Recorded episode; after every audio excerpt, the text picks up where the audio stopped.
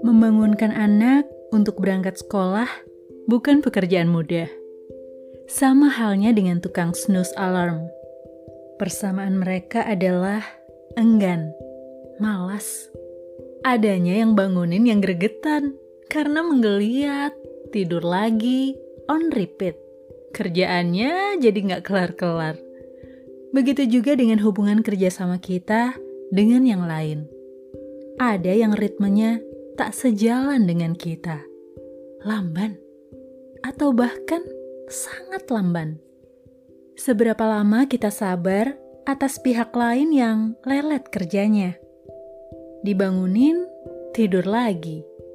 Diingetin, iya iya, tapi belum bergerak.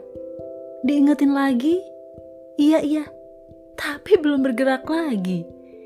Ya, ya, ya, ya. Sabar itu perlu. Tapi ingat, kita juga perlu maju. Kalau memang tidak bisa ditunggu, lepasin aja.